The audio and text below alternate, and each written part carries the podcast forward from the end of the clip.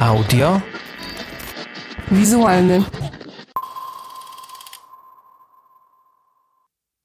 Witam wszystkich bardzo serdecznie w kolejnym odcinku podcastu pod tytułem Audiowizualny. Podcast istnieje dzięki stypendium Kultura w sieci ministra kultury i dziedzictwa narodowego. Ja się nazywam Karol Szafraniec, jestem filmoznawcą, a ten podcast poświęcony jest e, przede wszystkim filmom i szeroko rozumianej kulturze audiowizualnej.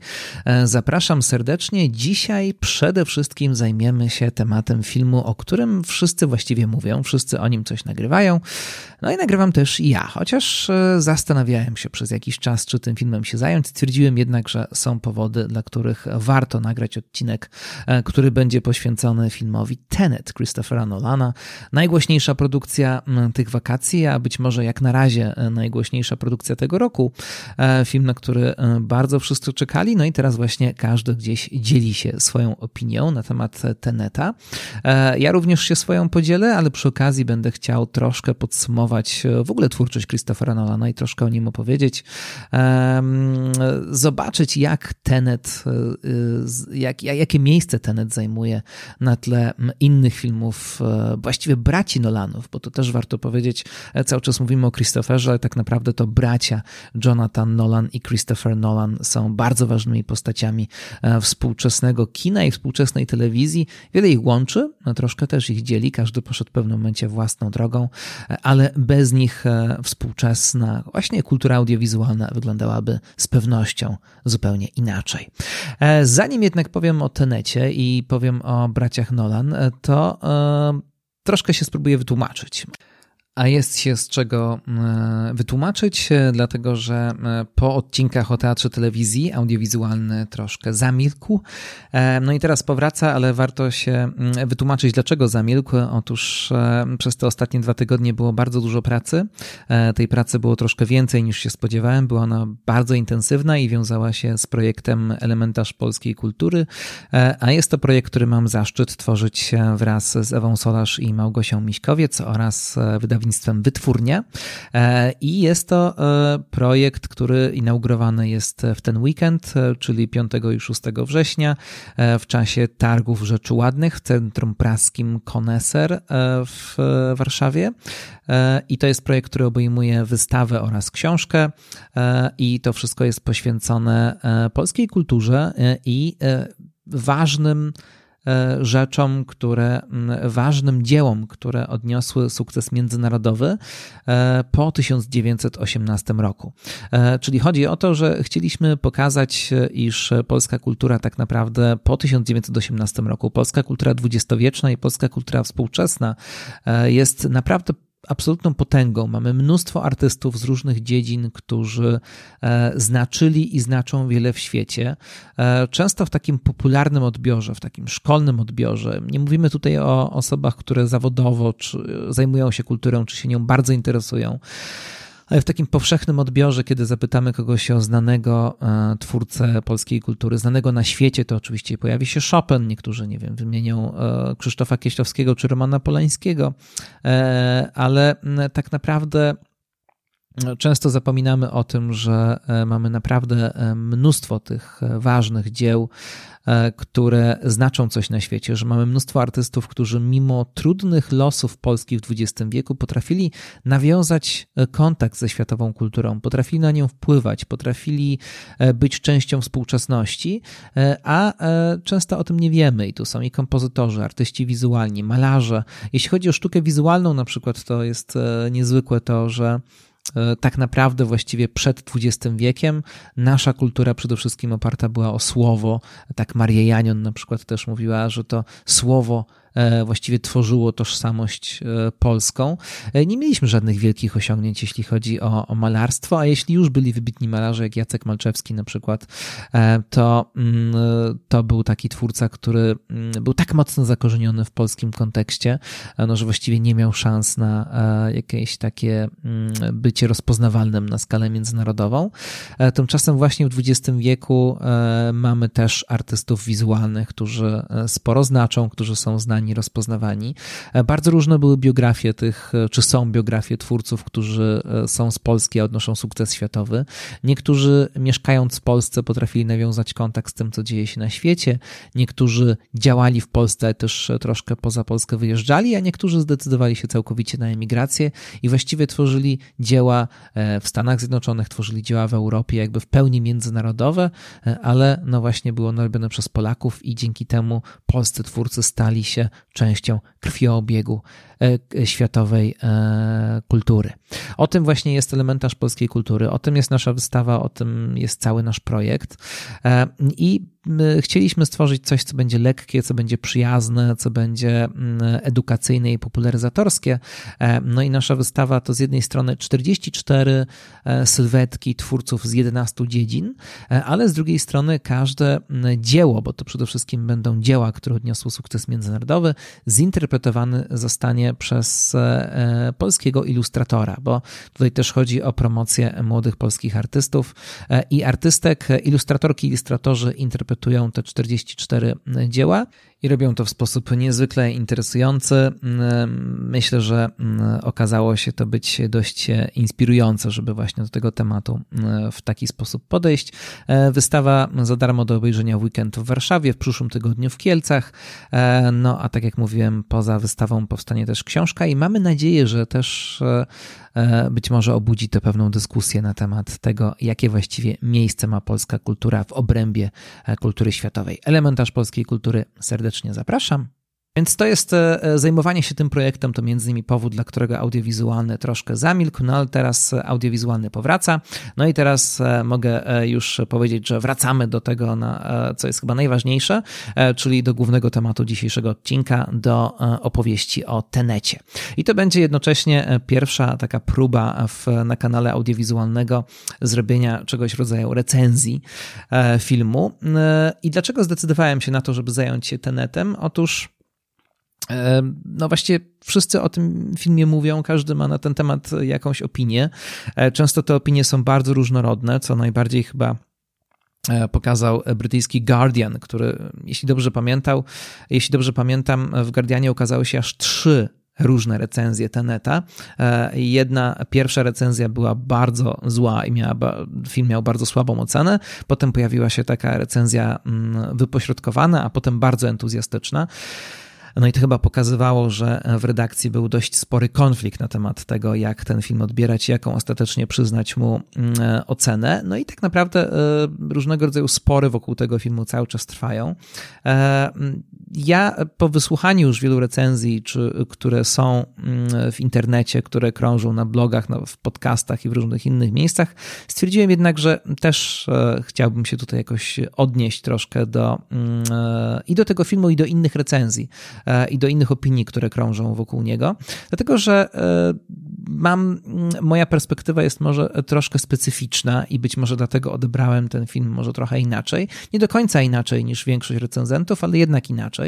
E, I właśnie z tej perspektywy bym chciał troszkę o tym filmie opowiedzieć. Otóż, dlaczego mam specyficzne podejście do filmu Tenet? Wydaje mi się, dlatego, że nie oczekiwałem e, po nowym filmie Christophera Nolana niczego nadzwyczajnego. Nie oczekiwałem tak naprawdę żadnego zbawienia e, światowej kinematografii. Pierwsze e, trailery, pierwsze zwiastuny Teneta pojawiały się jeszcze przed pandemią, więc takie oczekiwania, że będzie to film, który zrobi, który będzie miał tak niesamowicie ważną rolę dla współczesnej kinematografii, no to wtedy w ogóle nie wchodziły w rachubę. Z pewnością pandemia tak naprawdę przyczyniła się do tego, że nadmuchano bardzo balon oczekiwań wokół tego filmu, ale ale też e, prawdą jest, że mimo iż bardzo lubię i bardzo cenię filmy Christophera Nolana i niektóre z nich zrobiły na mnie ogromne wrażenie i e, są dla mnie bardzo ważne i był taki czas, kiedy naprawdę śledziłem wszystko, co ten reżyser robi, tak jak chyba większość kinomaniaków w ostatnich e, dwóch dekadach,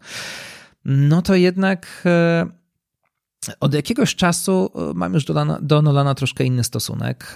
Przede wszystkim mam wrażenie, i to może być kontrowersyjne dla niektórych, że od filmu Incepcja wyraźnie widać, że mm, pewne rzeczy szły w taką nie najlepszą stronę. E, Incepcja, chociaż jest filmem absolutnie znakomitym, e, który zresztą sobie niedawno powtórzyłem, to jednak e, ten film ma pewne takie przeciążenia melodramatyczne. Miałem wrażenie, do incepcji, że Christopher Nolan jest bardzo precyzyjny w swoich scenariuszach i potrafi znakomicie wyważyć pewne rzeczy, potrafi znaleźć pewien balans między warstwą emocjonalną, a tą taką warstwą powiedzmy mechanicystyczno-matematyczną swoich filmów. E, ta ich specyficzna konstrukcja i to, co z niej wynika, jakoś ze sobą się bardzo ładnie łączyły.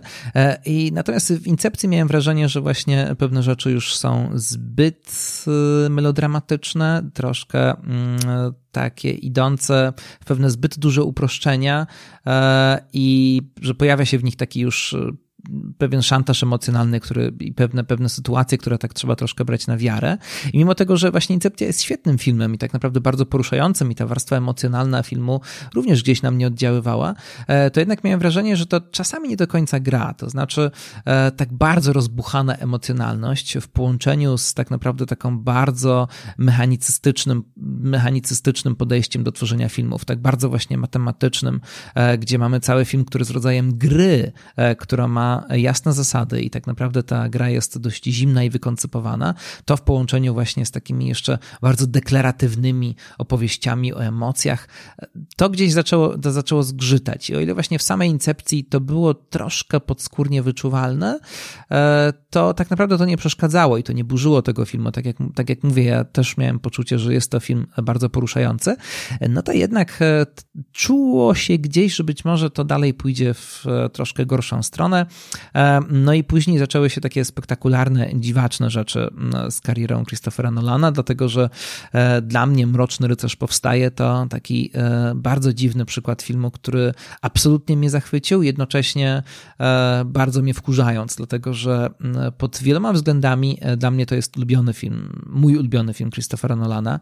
Uważam, że reżysersko to jest taki film, gdzie on jakby miał szczyt swoich możliwości. Kilka scen, na przykład początkowa scena porwania samolotu przez Bane'a to jest e, coś absolutnie niesamowitego. To jest coś, co mnie wbijało w fotel wtedy, e, kiedy pierwszy raz ten film zobaczyłem i wbija mnie to w fotel dalej. E, natomiast mm, fantastyczne rzeczy, fantastyczne budowanie napięcia i taka faktycznie emocjonalność e, związana z tym, co dzieje się Bruce'owi Wayne'owi, co dzieje się ze światem wokół. Fantastyczny zły bohater, e, którego gra Tom Hardy, który w jakimś sensie moim zdaniem był nawet bardziej charyzmatyczny niż Joker e, w Mrocznym Rycerzu. To wszystko w pewnym momencie nagle jakby się załamuje przez kilka dziwnych decyzji. Tak jakby Christopher Nolan bardzo pięknie rozwijał swój film, ale potem nie za bardzo wiedział, co z tym zrobić, więc na zasadzie takiej deus ex machina nagle przekręca wszystko w drugą stronę, sprowadzając wszystko do jednak czegoś w rodzaju banału. I tak właśnie najwspanialszy film pod pewnymi względami Christophera Nolana jest jednocześnie, był jednocześnie dla mnie takim wielkim rozczarowaniem. No a potem pojawił się Interstellar, film, który do dzisiaj również budzi mnóstwo kontrowersji. Dla mnie e, najsłabszy film Nolana. Wciąż to jest najsłabszy film Nolana, film, który był, mm, w którym właśnie ta, ten kontrast między sprawną reżyserią, e, takim mechanicystycznym podejściem do budowania fabuły, do pisania scenariusza, e, do opowieści o pewnych rzeczach i to skonfrontowane z takim, z taką bardzo wybuchową, bardzo egzaltowaną emocjonalnością, taką Spielbergowską emocjonalnością, mnie to zupełnie nie grało i to sprawiało, że ten film czasami był dla mnie kuriozalny, chociaż miał piękne pomysły, e, był pięknie zrealizowany i był naprawdę niesamowicie widowiskowy, e, no to jednak e, jakby już momentami wywoływał we mnie śmiech i miałem takie poczucie zażenowania, kiedy po raz pierwszy oglądałem Interstellar. E, żałowałem, że ten film zresztą nie zrobił Steven Spielberg tak, jak miał być pierwotnie. E, film według scenariusza Jonathana Nolana, czyli brata Christophera. E, początkowo miał być nakręcony przez Stevena Spielberga. Myślę, że Spielberg mógłby troszkę lepiej wyważyć. W ogóle mógłby być dla Spielberga taki film bardzo przełomowy, jakieś takie wejście w troszkę nowy świat, stworzenie jakby bardzo nowoczesnego nowoczesnego kina science fiction, e, gdzie jednocześnie ta warstwa mechaniczna byłaby troszkę bardziej stanowana, e, a ludzkie emocje e, byłyby troszkę bardziej naturalne. A tak to wyszło tak, jak wyszło. Niemniej jednak e, podcast nazywa się audiowizualny i mnie e, Interstellar wciąż mm, niezwykle mm, uwodzi jako widowisko czysto audiowizualne, czysto filmowe. Dlatego widziałem ten film kilka razy, tylko po prostu każde następne obejrzenie po tym pierwszym już nie miałem oczekiwań co do tego, żeby oglądać jakiś mądry, niezwykły film, który da mi dużo do myślenia. Zacząłem po prostu stawiać po prostu na widowisko. Miałem zresztą wrażenie, że po Interstellar no Nolan wziął sobie do serca różnego rodzaju e, krytykę że nie jest to taki twórca, który zamknięty jest gdzieś w wieży z kości słoniowej, tylko on tak naprawdę czyta, co się o nim pisze, e, słucha tego, co się o nim mówi i próbuje z tego wyciągać wnioski.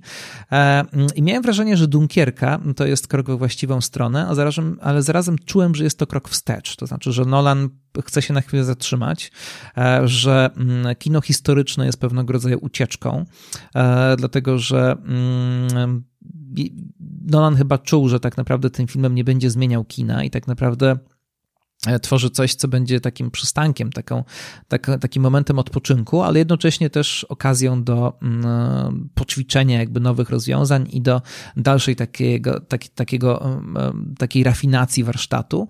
E, I myślę, że w Dunkierce to się udało. Dunkierka to jest przepiękny film. Myślę, że to jeden z trzech najlepszych filmów Nolana.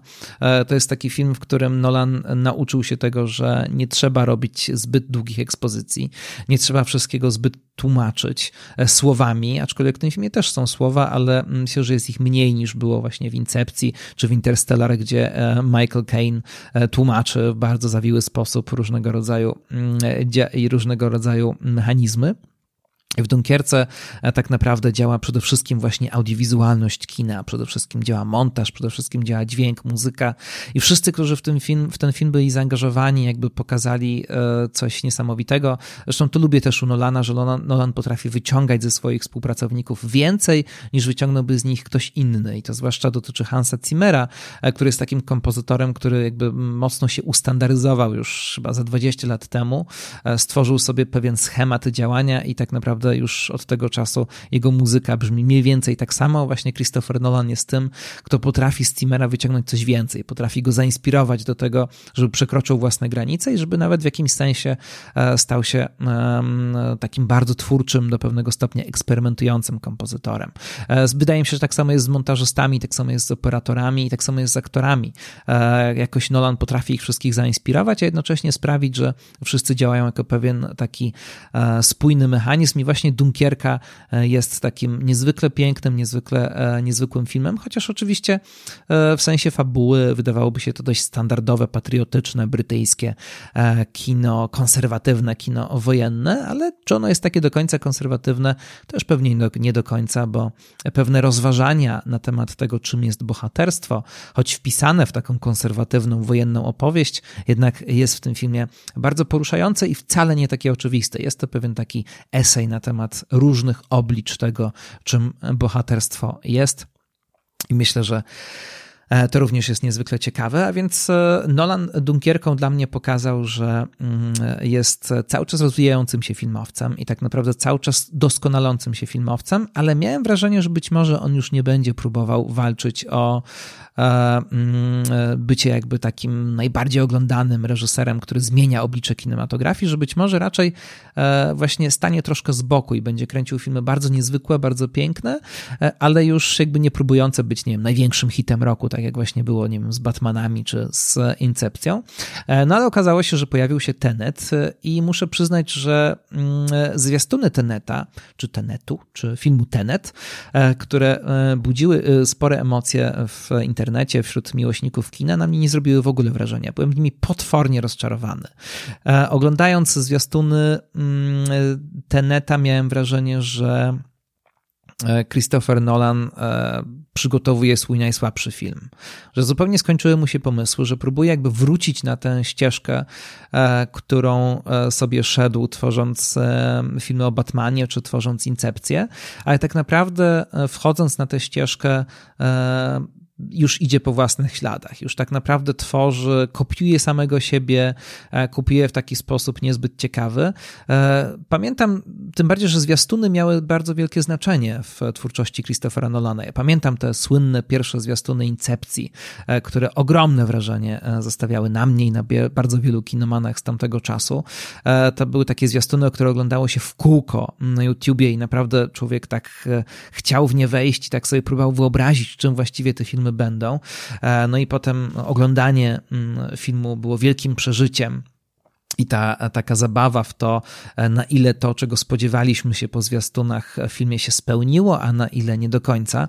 Tu warto powiedzieć, że Incepcja ostatecznie okazała się jakby mm, filmem odwrotnym od tego, co opowiadały nam zwiastuny. Zwiastuny sugerowały nam e, tak zwane heist e, movies, czyli filmy o napadzie, o o tym, że trzeba coś wykraść ze świadomości akurat w tym wypadku, natomiast ostatecznie Incepcja okazała się być raczej filmem o naciągaczach, o oszustach w stylu żądła, E, czyli o osobach, które mm, próbują kogoś zwieść, niż komuś coś ukraść właśnie za pomocą tych skomplikowanych e, mechanizmów wchodzenia w sen, wchodzenia e, w czyjąś świadomość. Natomiast właśnie zwiastun Teneta nie zrobił na mnie zupełnie takiego wrażenia. Zupełnie nie sprawił mm, żadnego zachwytu. Miałem wrażenie, że Nolan chciał stworzyć jakby nową wersję zwiastunów, czy ludzie, którzy mu robią zwiastuny, próbowali stworzyć nową wersję zwiastunów do Incepcji. E, to pewne podobieństwo zresztą do Incepcji, e, związane jeszcze z tym, że Tenet wszedł w dziesiątą rocznicę e, Incepcji do kin. No to sugerowało, że być może to będzie kontynuacja, ale miałem wrażenie, że pewne efekty wizualne, pewien suspens, który te zwiastuny tworzą, pewne zagadki, e, które mają wynikać z tych zwiastunów, że one są wtórne, że one właściwie nie są ciekawe. I miałem takie poczucie, że sobie to obejrzałem, ale tak naprawdę nie mam zupełnie ochoty w to wchodzić. Nolan znowu tworzy jakieś swoje labirynty, ale to już zupełnie nie będzie ciekawe. E, I też wizualnie nie wydawało mi się to jakoś bardzo ekscytujące, że to już było, e, że to już jest to samo i że wobec tego właściwie nic specjalnie ciekawego nie czeka mnie, kiedy film zobaczę. No ale w końcu nadszedł ten moment, kiedy można było się wybrać do kina. W moim przypadku nie był to zbyt optymistyczny seans, jeśli chodzi o to, że Tenet ma przynieść e, przyszłość kinu, e, czy ma przywrócić kinu świetność, dlatego że na moim seansie były jedynie trzy osoby, więc oglądanie takiego blockbustera e, w takiej scenerii było dość specyficznym doświadczeniem. E, niemniej jednak e, no, film obejrzałem i dlatego mogę teraz, e, mając takie oczekiwania, jakie miałem, troszkę opowiedzieć, co moim zdaniem jest jego mm, mocną stroną. Liczę też troszkę na to, że nawet jeśli ktoś, czy, czy, czy jeśli ktoś Tenet widział i był nim troszkę rozczarowany, to może zachęcę do tego, żeby na film spojrzeć troszkę inaczej albo zobaczyć go po raz kolejny, no bo nie da się ukryć, że mam o Tenecie dużo lepsze zdanie niż się spodziewałem, że będę miał i też lepsze niż wielu recenzentów, których e, możemy posłuchać lub obejrzeć w różnych miejscach. Co nie znaczy, że uważam Tenet za film e, znakomity, czy że jakieś arcydzieło. To nie jest najlepszy film Nolana, e, ale jednak jest to film dużo lepszy niż jego najgorsze filmy. Zachęcam do tego, żeby posłuchać dalej, natomiast muszę uprzedzić, że będą tutaj spoilery, dlatego że stwierdziłem, że nagrywanie takiego materiału, tym bardziej jeśli ma się troszkę e, zajmować polemiką z innymi recenzjami nie będzie miało sensu zupełnie, jeśli e, postaram się zrobić to bezspoilerowo, więc spoilery będą, e, ale też będzie w tej dalszej części kilka, mam nadzieję, ciekawostek, o których nie wszyscy mówią. Postaram się w to wpleść też parę sylwetek ciekawych ludzi, którzy z Tenetem są związani, a o których warto pamiętać i warto przyglądać się temu, jak ich kariera się rozwija.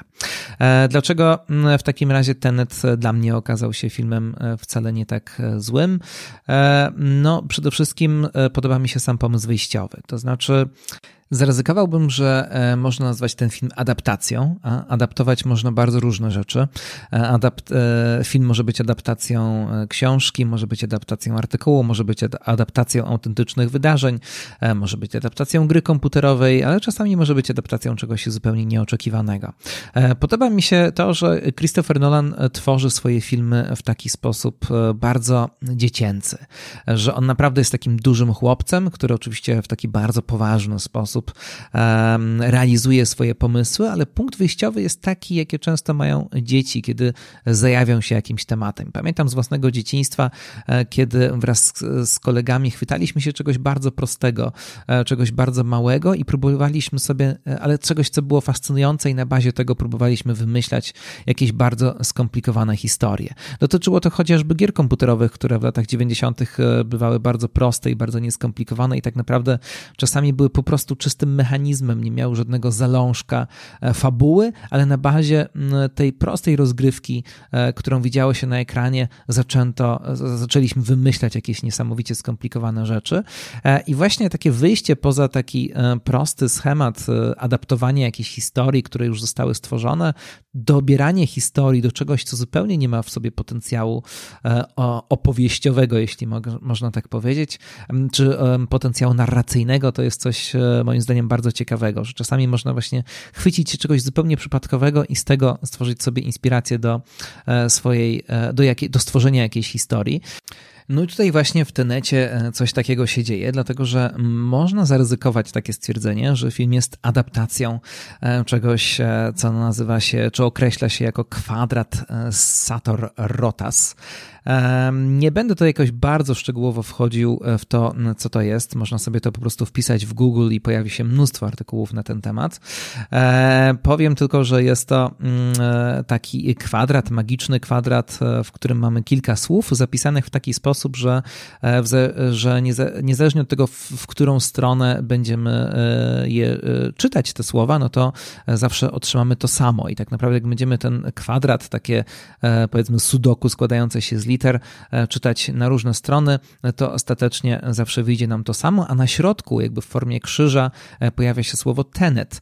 Tenet czytany od lewa do prawa, od prawa do lewa, od góry do dołu, czy od dołu do góry, zawsze wyjdzie nam właśnie tenet. Tenet jest słowem oczywiście symetrycznym, jest palindromem, e, w każdą stronę czytamy, czytany będzie tak samo, e, będzie brzmiał tak samo, natomiast e, pozostałe wyrazy w tym kwadracie, no to już są wyrazy, które nie są palindromami, ale za to są swoimi lustrzanymi odbiciami i każde niesie ze sobą jakieś znaczenie. Sator, arepo, tenet, opera, rotas.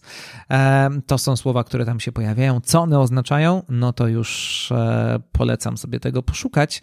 E, natomiast e, to, co jest e, bardzo dla mnie niezwykłe, to to, że mamy tutaj w tym magicznym kwadracie, którego znaczenie, którego, mm, którego rola tak naprawdę, czy którego jakby użycie, e, no to na ten temat są różnego rodzaju spory, po co właściwie ten kwadrat istniał i gdzie był używany. Niektórzy widzieli w nim jakieś e, kabalistyczne e, źródła, że tak naprawdę stamtąd się wywodzi.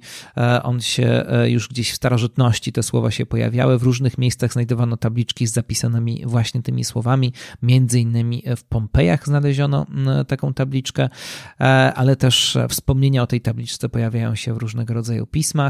Mm, e, mm, niektórzy twierdzą, że mm, masoni używają, czy zgrupowania masońskie używają właśnie tej tabliczki też do swoich różnego rodzaju mistycznych, e, mistycznych obrzędów, a jeszcze inni widzą w tym e, coś, co ma zakodowaną mistykę, zakodowaną symbolikę chrześcijańską. Ten, to słowo tenet tutaj jest w formie krzyża, więc można do tego bardzo różnie podchodzić. Niemniej jednak ten kwadracik z tymi słowami jest pewnego rodzaju zamkniętym systemem, e, systemem, który ma swoje zasady, no i jednocześnie pojawiają się tu pewne nazwy e, i to wszystko może nas do czegoś zainspirować. I tak naprawdę e, Christopher Nolan prawdopodobnie miał to po prostu przed sobą. I zafascynowany tym, jak to działa, postanowił po pierwsze mechanizm, według którego działa cały ten kwadrat, przenieść do świata, to znaczy stworzyć taki świat, który będzie, będzie działał na bazie tych samych zasad, na których działa ten kwadrat a potem wystarczy e, nadać tym nazwom Sator, Arepo, Tenet, Opera Rotas jakieś znaczenie, które będzie e, miało sens wewnątrz tego świata, który się stworzy. E, no i oczywiście to słowo Tenet, które jest tutaj kluczowe i które jest w centrum tego kwadratu, będzie miało znaczenie szczególne, a ponieważ jest to palindrom i czytany od każdej strony brzmi tak samo, no to w połączeniu z pozostałymi będzie właśnie czymś takim bardzo niezwykłym, będzie kluczem jakby do rozwikłania pewnej zagadki zagadki, e, która w tym świecie która w tym świecie się pojawia. E, no i właśnie właściwie, właściwie w ten sposób już ma się szkielet e, filmu i potem można tworzyć, jakby rozbudowywać tę opowieść. I bardzo mi imponuje, szczerze mówiąc, takie tworzenie mm, filmów właśnie z takich nieoczywistych inspiracji. Podobno zresztą Christopher Nolan zazwyczaj tak robi. To znaczy mm, on szuka inspiracji właśnie w jakimś systemie fizycznym, albo w jakimś działaniu matematycznym, właśnie w czymś takim bardzo nietypowym, bardzo nieoczywistym do tego, żeby na bazie tego tworzyć historię historię, no a potem tworzy swoje treatmenty, tworzy pierwsze wersje scenariuszy, które podobno nie przypominają tradycyjnie rozumianych scenariuszy, tylko właśnie są przede wszystkim taką, takim, taką próbą opisa świata. Świata, który działa według pewnych zasad. Tak, e, I trzeba opisać te zasady i to jest właściwie dla Nolana najważniejsze. Ten świat stanie się wiarygodny dopiero wtedy, kiedy dokładnie zostaną opisane reguły czy mechanizm właśnie, e, w jaki ten świat e, działa, a te E, ten mechanizm można opisywać nie tylko za pomocą słów, można też go opisywać za pomocą diagramów, tabelek, wykresów, rysunków. I to się właśnie często pojawia w tych pierwszych wersjach e, scenariuszy Nolana. Dopiero później z tego e, zaczyna być tworzona jakaś taka właściwa wersja, według której można kręcić. No i właśnie pojawienie się takiego kwadracika ze słowami jest tutaj kluczowe w tym wypadku. I to mi też przypomina taki mit, chyba to jednak jest mit, a nieprawdziwa historia o Stanleyu Kubricku. Jak wiadomo, Stanley Kubrick jest bardzo ważną inspiracją dla Christophera Nolana. Podobno Stanley Kubrick, który był maniakalnym e, fanem gry w szachy, chciał właśnie stworzyć adaptację filmową tej gry.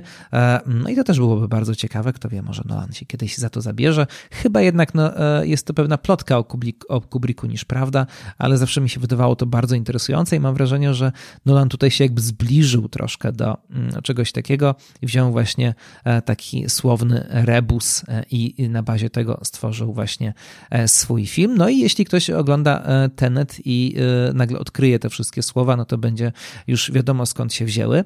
Dodatkowo Nolan posłużył się nie tylko samą tą tabliczką, a tabliczkę można zobaczyć między innymi na Facebooku audiowizualnego, jak ona wygląda jedna z wersji takich tabliczek, ale posłużył się też pewnymi kontekstami, bo skoro taka tabliczka została znaleziona w Pompejach, no to między innymi Pompeje tutaj e, również w filmie są wspomniane i stają się częścią fabuły, e, więc jakby można już wykorzystywać kolejne elementy i z tego wszystkiego sobie układać e, własną układankę i tak właśnie powstaje mm, fabuła, a do tego oczywiście można dołożyć też znaczenia, które dla Nolana są ważne, bo ostatecznie Tenet, o czym jeszcze za chwilę powiem, jest o tym, o czym właściwie większość filmów Nolana jest, a tak naprawdę Tenet w jakimś sensie jest remake'iem wcześniejszego filmu Nolana, ale i o dziwo nie będzie to, nie jest to incepcja, ale o tym jeszcze za moment. Natomiast E, do tego trzeba było wymyślić jeszcze jakąś koncepcję gatunkową i tak naprawdę Nolan lubi się bawić, że e, właśnie każdy jego film jest jakby e,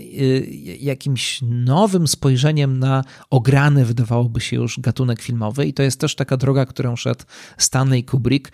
Kubrick chciał tworzyć jakby arcydzieła, jakby takie takie arcydzieła w ko ko konkretnym gatunku, żeby każdy jego ko kolejny film był zrobiony w innym gatunku filmowym i jednocześnie domykał, jakby wykorzystywał wszystko to, z czym ten gatunek był związany, a jednocześnie go przekraczał, tworząc jakby takie dzieło absolutne, czyli tworzymy absolutny horror, absolutną komedię, absolutny film wojenny i tak dalej, e, no i absolutny film science fiction oczywiście.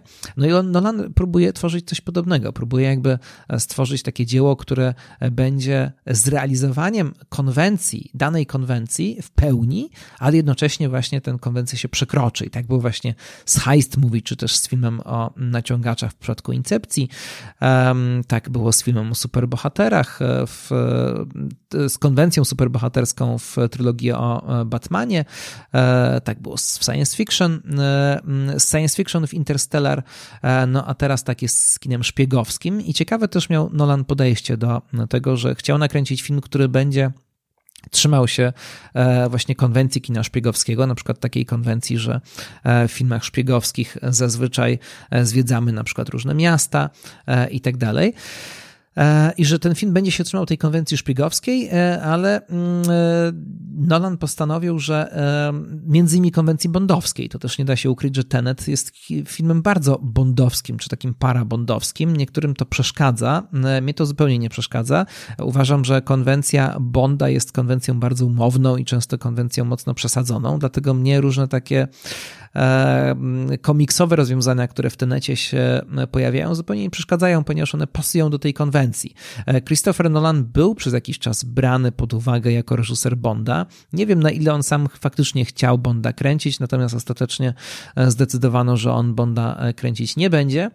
Była już kiedyś taka sytuacja, Steven Spielberg bardzo chciał nakręcić Bonda, nie pozwolili mu, więc jakby w akcie zemsty, jeśli można tak powiedzieć, stworzył własną postać Indiana Jonesa. E, no a teraz mieliśmy Christophera Nolana, który nie nakręcił e, Bonda, ale za to nakręcił Tenet, czyli coś właśnie własną wersję czegoś bardzo, bardzo podobnego.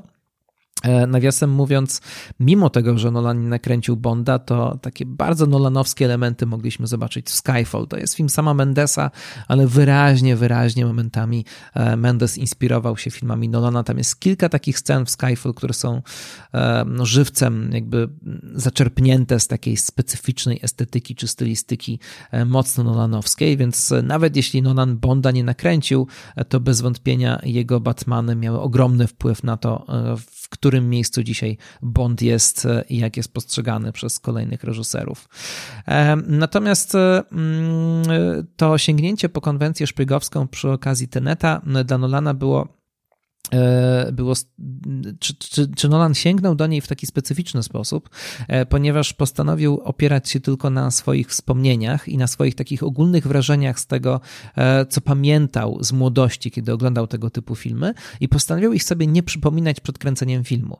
I prosił też innych członków ekipy, żeby nie oglądali filmów szpiegowskich i żeby właśnie bazować na takim ogólnym pojęciu tego, czym film szpiegowski jest, na pewnym takim ekstrakcie, który gdzieś jest zachowany w naszej podświadomości i na bazie tego jakby stworzyć coś nowego. Nolan miał takie poczucie, tak mówił w wywiadach, że gdyby naoglądał się teraz tych filmów szpiegowskich jeszcze raz, przypomniał je sobie wszystkie, no to stworzyłby coś, co było pewnego rodzaju kopią albo byłoby to tak wysilone, żeby e, coś przekroczyć, żeby stworzyć coś inaczej, ale to będzie takie właśnie sztuczne.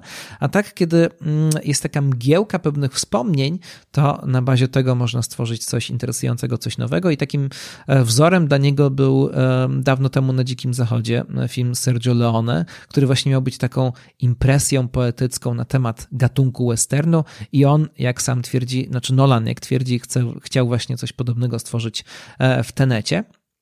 Mm, e, no więc właśnie to wszystko tutaj ma miejsce i ten film w dużym stopniu trzyma się takiego schematu e, kina szpiegowskiego. Mamy tutaj jakby wszystkie te elementy, które powinny się w takim filmie pojawić. No i tutaj musimy dojść do postaci głównego złego, czyli do takiego elementu, który jest jednym z najbardziej krytykowanych w nowym filmie Nolana. E, w filmach szpiegowskich, zwłaszcza w tych filmach takich szpiegowskich niezbyt realistycznych typu Bond, no mamy zazwyczaj takiego super łotra, który jest e, często dość przegięty e, i jest taki mocno komiksowy, no i tak samo jest w Tenecie.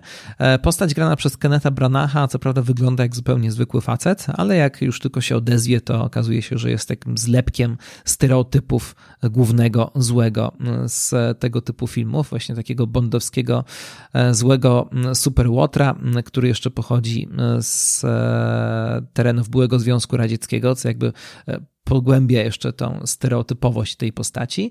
Zgodnie z tym, jak to kiedyś bywało, jest e, grane przez Brytyjczyka, który mówi sztucznym rosyjskim akcentem.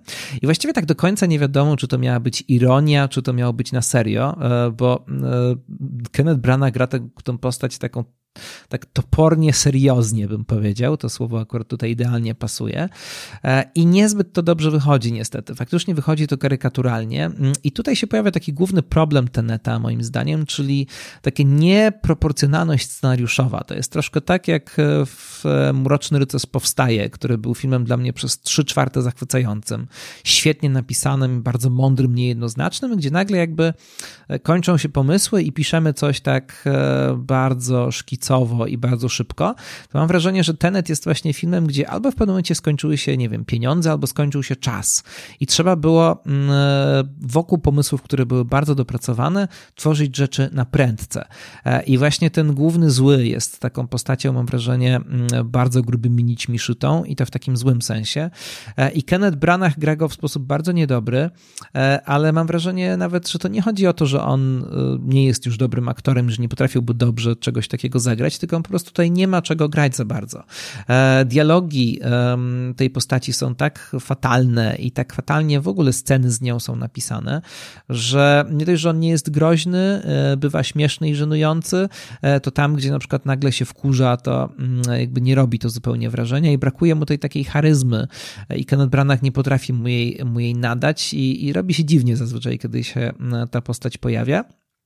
Może e, kilka scen z jego udziałem, e, które się udały, jak na przykład e, sceny w pomieszczeniach e, przy kołowrocie, który zmienia mm, kierunek czasu, one robią wrażenie, ale nie z powodu Kennetha Branacha i z powodu tej postaci, tylko z powodu pewnego ogólnego kontekstu i tego, że akurat takie sceny, e, tak naprawdę sceny akcji są faktycznie świetnie wyreżyserowane. Mamy gdzieś poczucie, że ta postać jest groźna i niebezpieczna, ale e, to nie do końca tak wygląda i szkoda, że ta postać po prostu nie dostała lepszych dialogów, jakby jej charakter nie jest bardziej pogłębiony.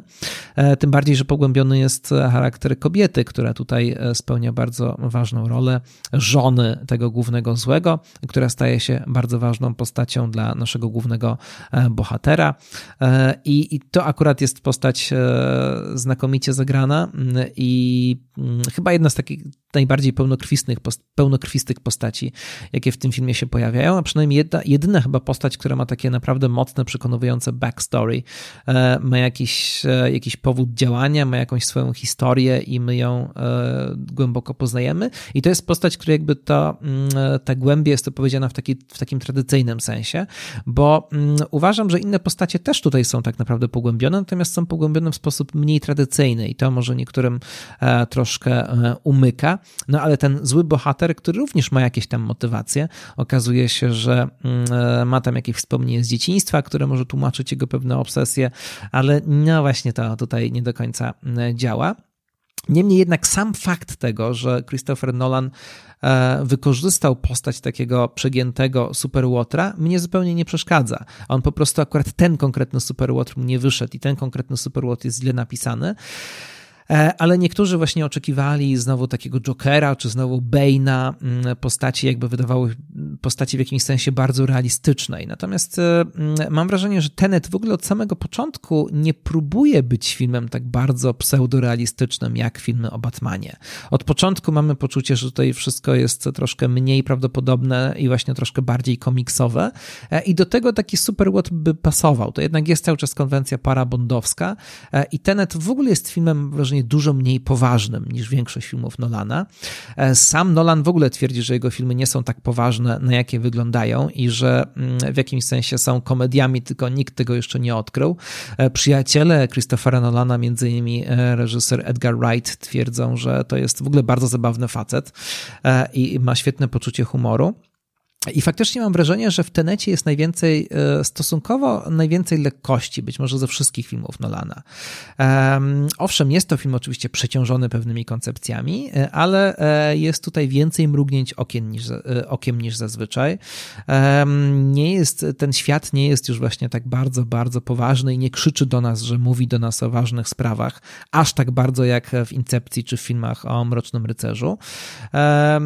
Postać Michaela Keina, która mnie bardzo zaniepokoiła. Jak mówiłem, kiedy oglądałem trailery to mia i miałem poczucie, że Nolan kręci znowu to samo, tylko gorzej, to jak zobaczyłem, usłyszałem głos Michaela Keina, to już się złapałem za głowę, e, że znowu, e, ale mm, kiedy oglądałem film ostatecznie, to e, Michael Caine pojawia się tylko na chwilę i miałem wrażenie, że to jest taki inside joke, że naprawdę to jest właśnie z dużym poczuciem humoru zrobione, że właśnie, właśnie o to chodziło, tak, żeby znowu był ten Michael Caine, ale żeby on się pojawił tylko po to, bo trzeba odhaczyć Michaela Caina i że wszyscy wszyscy sobie z tego zdajemy sprawę i to jest rodzaj właśnie takiego mrugnięcia okiem, więc ostatecznie mi się to podobało, ale mam wrażenie, że tych mrugnięć okien jest w tym filmie dużo więcej. I właśnie ta lekkość Teneta mnie e, dość zadziwiła, e, dość jej nie spodziewałem. E, mam wrażenie, że ten film waży dużo mniej niż ważyła Incepcja, już na pewno dużo mniej niż Interstellar i Mroczne Rycerze. I że tutaj jakby Nolan bardziej stawia po prostu na rozrywkę, że on e, chce zrobić e, po prostu dobre widowisko hollywoodzkie, to się liczy przede wszystkim, a wszystko, co jest inne, jest bardziej schowane. I tak naprawdę, jeśli chcemy wyciągnąć z Teneta coś bardziej poważnego, e, to możemy, jak będziemy bardzo usilnie ten film oglądać wyciągać te elementy układanki, ale wcale nie musimy tego tak, tak szukać i wcale ten film tego tak nam bardzo nie narzuca, jak wcześniejsze dzieła, dzieła Nolana i mnie się to właśnie podobało. E, I właśnie biorąc pod uwagę to, że ten film jest utrzymany w takiej konwencji, to też e, w czasie oglądania seansu e, nie miałem tak bardzo wielkich oczekiwań co do tego, co z tego filmu wyniknie. I o dziwo, kiedy film się kończył, to jednak miałem wrażenie, że jest ten film w dużym stopniu o czymś poważnym. Że mm, Nolan znowu opowiada historię, którą opowiada właściwie przez całą swoją karierę. Jest to też zastanawiające, że Christopher Nolan w sposób obsesyjny opowiada o obsesjach, w sposób obsesyjny opowiada cały czas o mm, e, gdzieś podobnym temacie.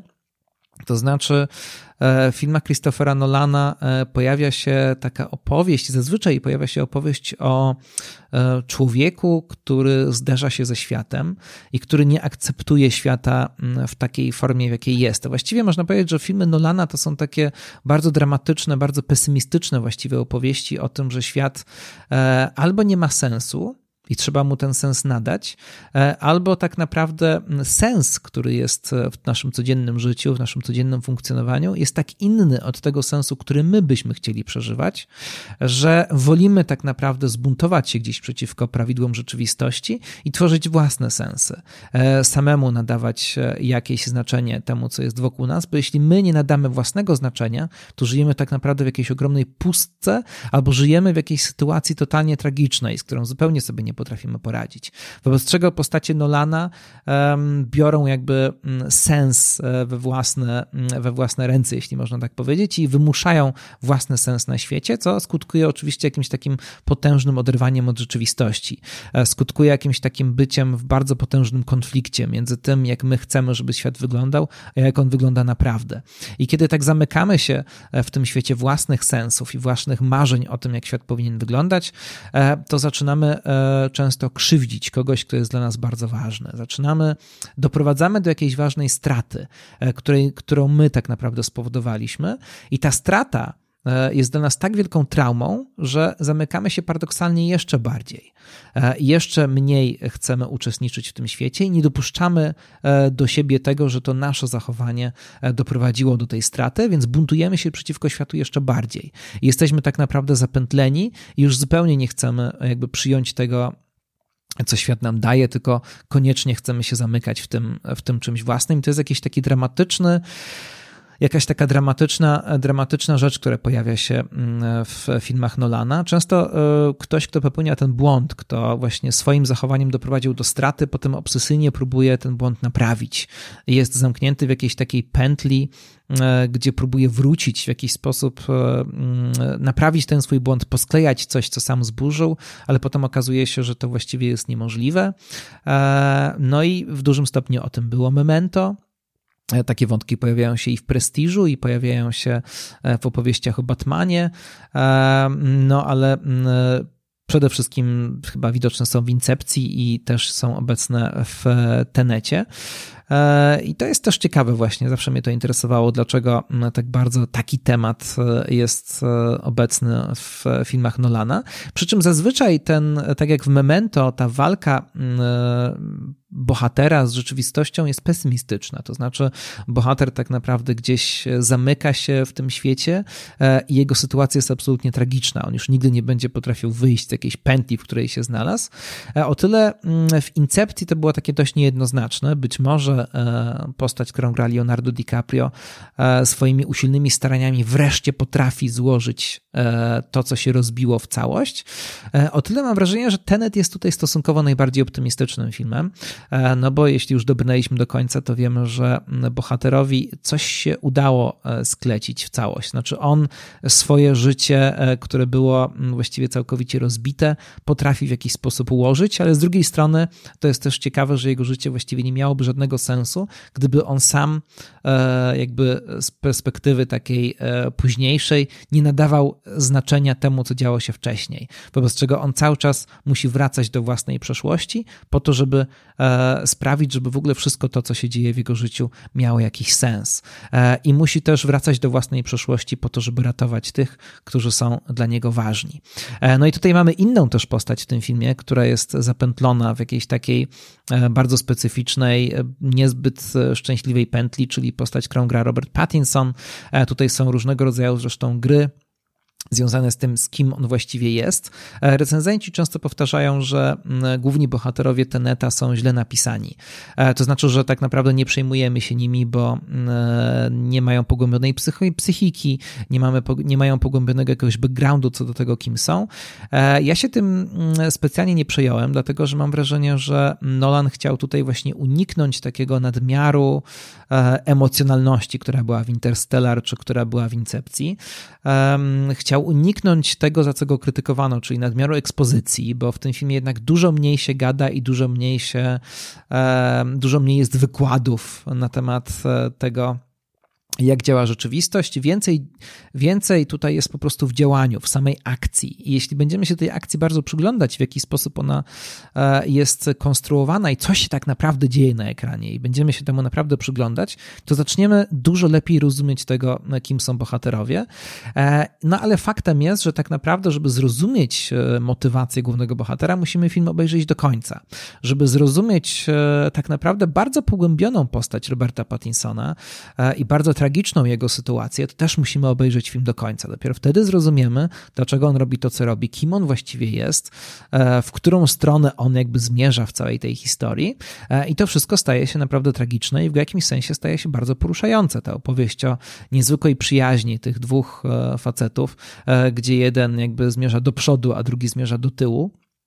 E, no to tutaj jest bardzo dużo niuansów e, i to nie jest tak, że te postacie nie są pogłębione, tylko po prostu one są pogłębione w inny sposób. Jakby wszystko wynika z akcji, a nie ze słów e, i nie z jakby takich opowieści, które są opowiedziane, nie z takich historii jakby ich życia, które są gdzieś przytoczone wprost. Trochę mam wrażenie, że mm, kiedy Christopher Nolan e, tworzył zbyt rozbuchane ekspozycje, zbyt wiele było tłumaczone e, wprost, jeśli chodzi o to, jak działa świat. E, mieliśmy postacie o takiej rozbuchanej emocjonalności i w ten sposób z tej rozbuchanej emocjonalności, takiej do przesady, mieliśmy rozumieć ich potrzeby psychologiczne i to się wydawało toporne i za to Nolana krytykowano. To teraz, kiedy z tego zrezygnował i kiedy postanowił bardzo ograniczyć ekspozycję, kiedy więcej mamy rozumieć z samych wydarzeń, wydarzeń niż z dialogów, e, kiedy więcej mamy czuć też samych wydarzeń, tego, co się dzieje między bohaterami i co wynika z tego, jak się zachowują, a nie z tego, co, nam, co do nas mówią. E, I te emocje tam dopiero są zakodowane, to też się Nolana krytykuje, e, a ja uważam, że akurat tym razem to się udało i naprawdę uważam, że jeśli dobrniemy do końca i odpowiednio jakby wejdziemy w pewne niuanse, to naprawdę ta historia może być całkiem, całkiem poruszająca. Tym bardziej, że mm, ten film ma bardzo podobną konstrukcję, mm, e, bardzo podobną strukturę do Memento. W jakimś sensie to właściwie jest film o tym samym. E, to jest film o człowieku, który próbuje mm, z perspektywy przyszłości nadawać na nowo cały czas w kółko sens e, wydarzeniom ze swojej przeszłości. Z tym, że w Memento bohater tak naprawdę mm, był więźniem czasu, który pędził cały czas do przodu i mógł sobie tylko bohater jakby żeby, nadawa- żeby jego życie miało sens, musiał się cały czas okłamywać. E, natomiast to my, jako widzowie, mogliśmy wędrować nie tylko razem z nim do przodu, ale też wędrować w jego przeszłość. E, natomiast on sam nie mógł tego zrobić. A tutaj, e, w Tenecie, który ma prawie identyczną strukturę, czyli najpierw wędrujemy do przodu, a jednocześnie wędrujemy do tyłu, Tutaj może to zrobić sam bohater. On nagle dzięki tym wszystkim fantastycznym możliwościom, które daje konwencja science fiction, która daje konwencja takiego połączenia kina szpiegowskiego z science fiction, dzięki temu on sam może to zrobić i może uwolnić się e, od tego poczucia bezsensu. E, I to też jest właśnie takie bardzo niezwykłe i bardzo mm, e, w jakimś sensie optymistyczne mm, w tym filmie, chociaż z drugiej strony no, jest cały czas więźniem swojej pętli, ale tak naprawdę wszyscy w filmach Nolana, być może w ogóle wszyscy jesteśmy więźniami e, takich pętli. Co ciekawe, ta obsesyjne, to obsesyjne zapętlenie, e, to zapętlenie we własnym życiu, w jakiejś próbie naprawy czegoś, e, czego się naprawić nie da, ale ciągle próbujemy, więc ciągle się w tym zapętlamy, to jest wspólna obsesja dla obydwu braci Nolanów. I to już jakby wychodzę troszkę poza Teneta, bo wydaje mi się, że już powiedziałem wszystko, co chciałem co do tego, mm, dlaczego ten film jest e, udany bardziej niż czasami się o tym mówi. E, przynajmniej moim zdaniem, e, no to mm, warto powiedzieć, że mm, właśnie tego typu podejście do rzeczywistości jest charakterystyczne w ogóle dla braci Nolanów mm, i obydwaj w swoich scenariuszach, w swoich filmach i tych, które tworzą razem i tych, którzy tworzą osobno, jakby trzymają się tego tematu. No a warto powiedzieć, że Christopher Nolan tak naprawdę zaczął swoją karierę filmową właśnie od scenariusza brata, właściwie do opowiadania, które brat napisał, czyli od opowiadania, które było podstawą do mm, e, filmu Memento. E, natomiast e, potem część filmów, które Christopher Nolan tworzył, pisał razem z bratem, część pisał osobno. Brat Jonathan Nolan chciał się wybić na niepodległość już przy okazji Interstellar i kiedy napisał Interstellar, to właśnie początkowo miał ten film kręcić Steven Spielberg. Ostatecznie ten film też został nakręcony z bratem, ale takim faktycznym wybiciem się na niepodległość niepodległość e, jest serial Westworld i to już jest e, serial Jonathana e, Nolana, który robi już z innymi ludźmi. No i o ile Christopher Nolan uparcie trzyma się kina i nie zamierza przechodzić do telewizji ani robić niczego dla serwisów streamingowych, o tyle jego brat nie ma z tym problemu i tam się właśnie spełnia. A wracając do Teneta i jego elementów audiowizualnych, to oczywiście warto wspomnieć o dwóch postaciach, bez których ten film wyglądałby i brzmiał zupełnie inaczej. Z jednej strony Ludwig Göransson, autor muzyki. Po raz pierwszy od e, dłuższego czasu e, Christopher Nolan zrezygnował ze współpracy z Hansem Zimmerem.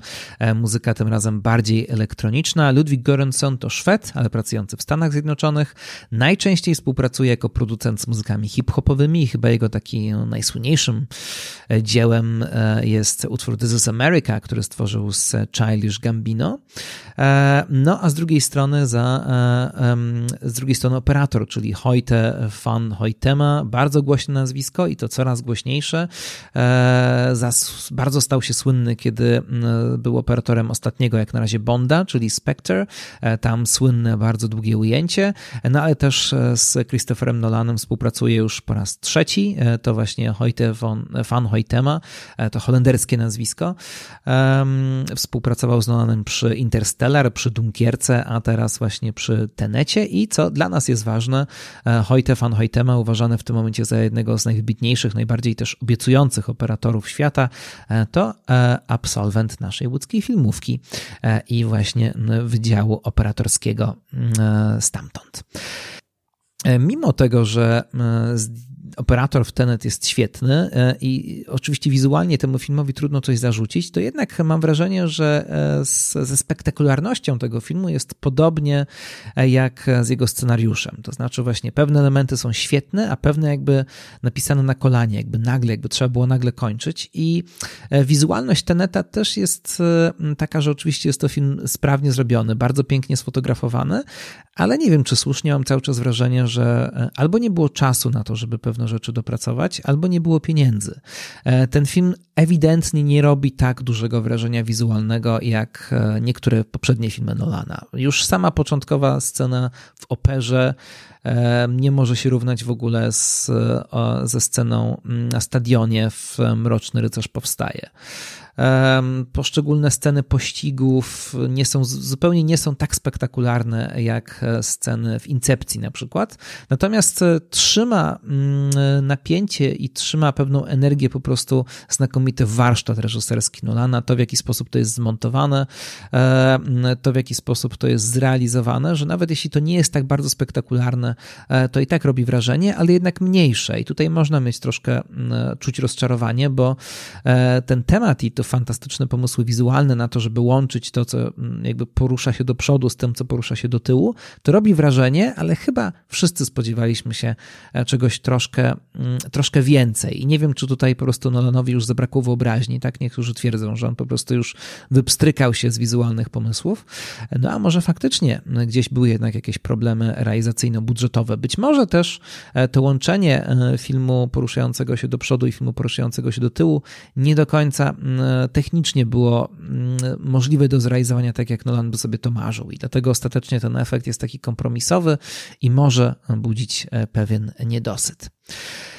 E, tyle o Tenecie, czyli o filmie, który moim zdaniem okazał się dużo lepszy niż się spodziewałem i jednak jest lepszy niż moim zdaniem niż się o nim powszechnie mówi. Wydaje mi się, że on też będzie troszkę bardziej doceniony z czasem. Natomiast e, dla mnie było ważne, żeby troszkę tutaj przekazać to, że to, co często jest uważane za wadę tego filmu, niekoniecznie musi być jego wadą, co nie zmienia faktu, że mm, wiele wad ten film posiada i e, pod pewnymi względami, no jednak nawet jeśli będziemy mu bardzo życzliwi, to jednak pod pewnymi względami rozczarowuje. E, dla mnie to jest taki film gdzieś idealnie pośrodku w karierze Nolana. Dobry, może nawet troszkę powyżej średniej, ale na pewno nie należy do najlepszych, ale jest daleko od tych e, najgorszych. E, natomiast e, na koniec obiecałem pewne polecanki i myślę, że warto, jeśli mówimy o Nolanie, wrócić do początków. E, wrócić do początków jego twórczości i poszukać sobie, a można to znaleźć, jego krótkometrażowe filmy, e, albo na przykład jego pierwszy debiut fabularny, pełnometrażowy, czyli film The Following. Film robiony za bardzo, bardzo małe pieniądze, ale film bardzo ciekawy. Film o właśnie obsesyjnym szukaniu czegoś i nadawaniu sensu własnemu życiu. E, film bardzo zaskakujący, też film o tworzeniu fikcji, film o tworzeniu literatury. E, I to też jest ważne, bo mm, wydaje mi się, że Ważnym elementem filmów Nolana jest ich autotematyczność. Właściwie wszystkie filmy, które Nolan robi, w jakimś sensie są komentarzem do e, tworzenia filmów, a już na pewno do tworzenia fikcji. Czasami są to komentarze do sytuacji twórcy. E, postać grana przez DiCaprio w Incepcji ma wiele cech samego Christophera Nolana. Prestiż jest przecież opowieścią o tworzeniu fikcji i o tym, jak e, jak e, zadziwiać i to jest bardzo ważny, ważny, bardzo ważny element tego filmu, e, ale też e, w dużym stopniu są to opowieści o widzu. My, w dużym stopniu my sami jakby oglądamy siebie w lustrze, kiedy bohaterowie są postawieni w takiej sytuacji, w jakiej my jesteśmy postawieni, który, kiedy mamy do czynienia z jakimś tekstem, który trzeba podać, poddać interpretacji. I tutaj na końcu taka jedna ważna, ciekawa myśl, mam nadzieję, że ciekawa. Otóż są tacy, którzy widząc, że filmy Nolana są takimi mechanizmami, są właśnie tworzone jakby przez inżyniera, który e, stwarza e, jakieś zasady e, i według tych zasad działa i tam jest ukryte jakieś głębsze znaczenie. I są tacy, którzy rozbierają filmy Nolana na części pierwsze, próbując jakby dociec na czym ten mechanizm polega i że wtedy, kiedy dokładnie to zanalizujemy, to wtedy odkryje się jakiś jedyny właściwy ukryty sens.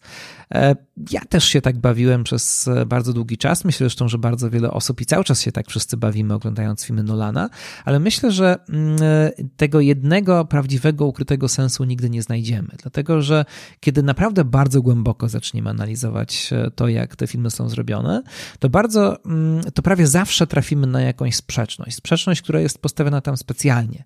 To znaczy, że te filmy są nierozwiązywalne i że Nolan, tak jak bohaterowie film, jego filmów, jak e, DiCaprio w Incepcji, jak e, Guy Pearce w Memento, w pewnym momencie postawieni są mm, w takiej sytuacji, że oni sami muszą zinterpretować to, co widzą i sami muszą ponieść odpowiedzialność za to, jakie nadadzą znaczenie temu, co dzieje się wokół nich i tak naprawdę e, potem będą ponosić tego konsekwencje.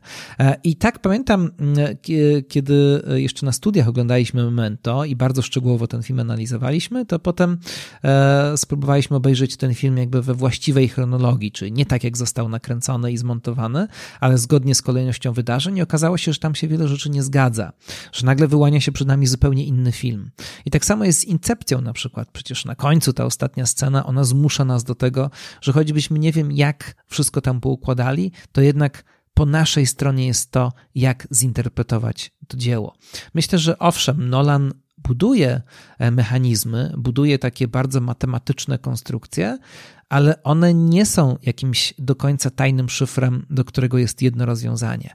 Nolan zawsze zakłada ten element interpretacji. To my sami musimy ponieść odpowiedzialność za to, co wyniesiemy z jego filmów.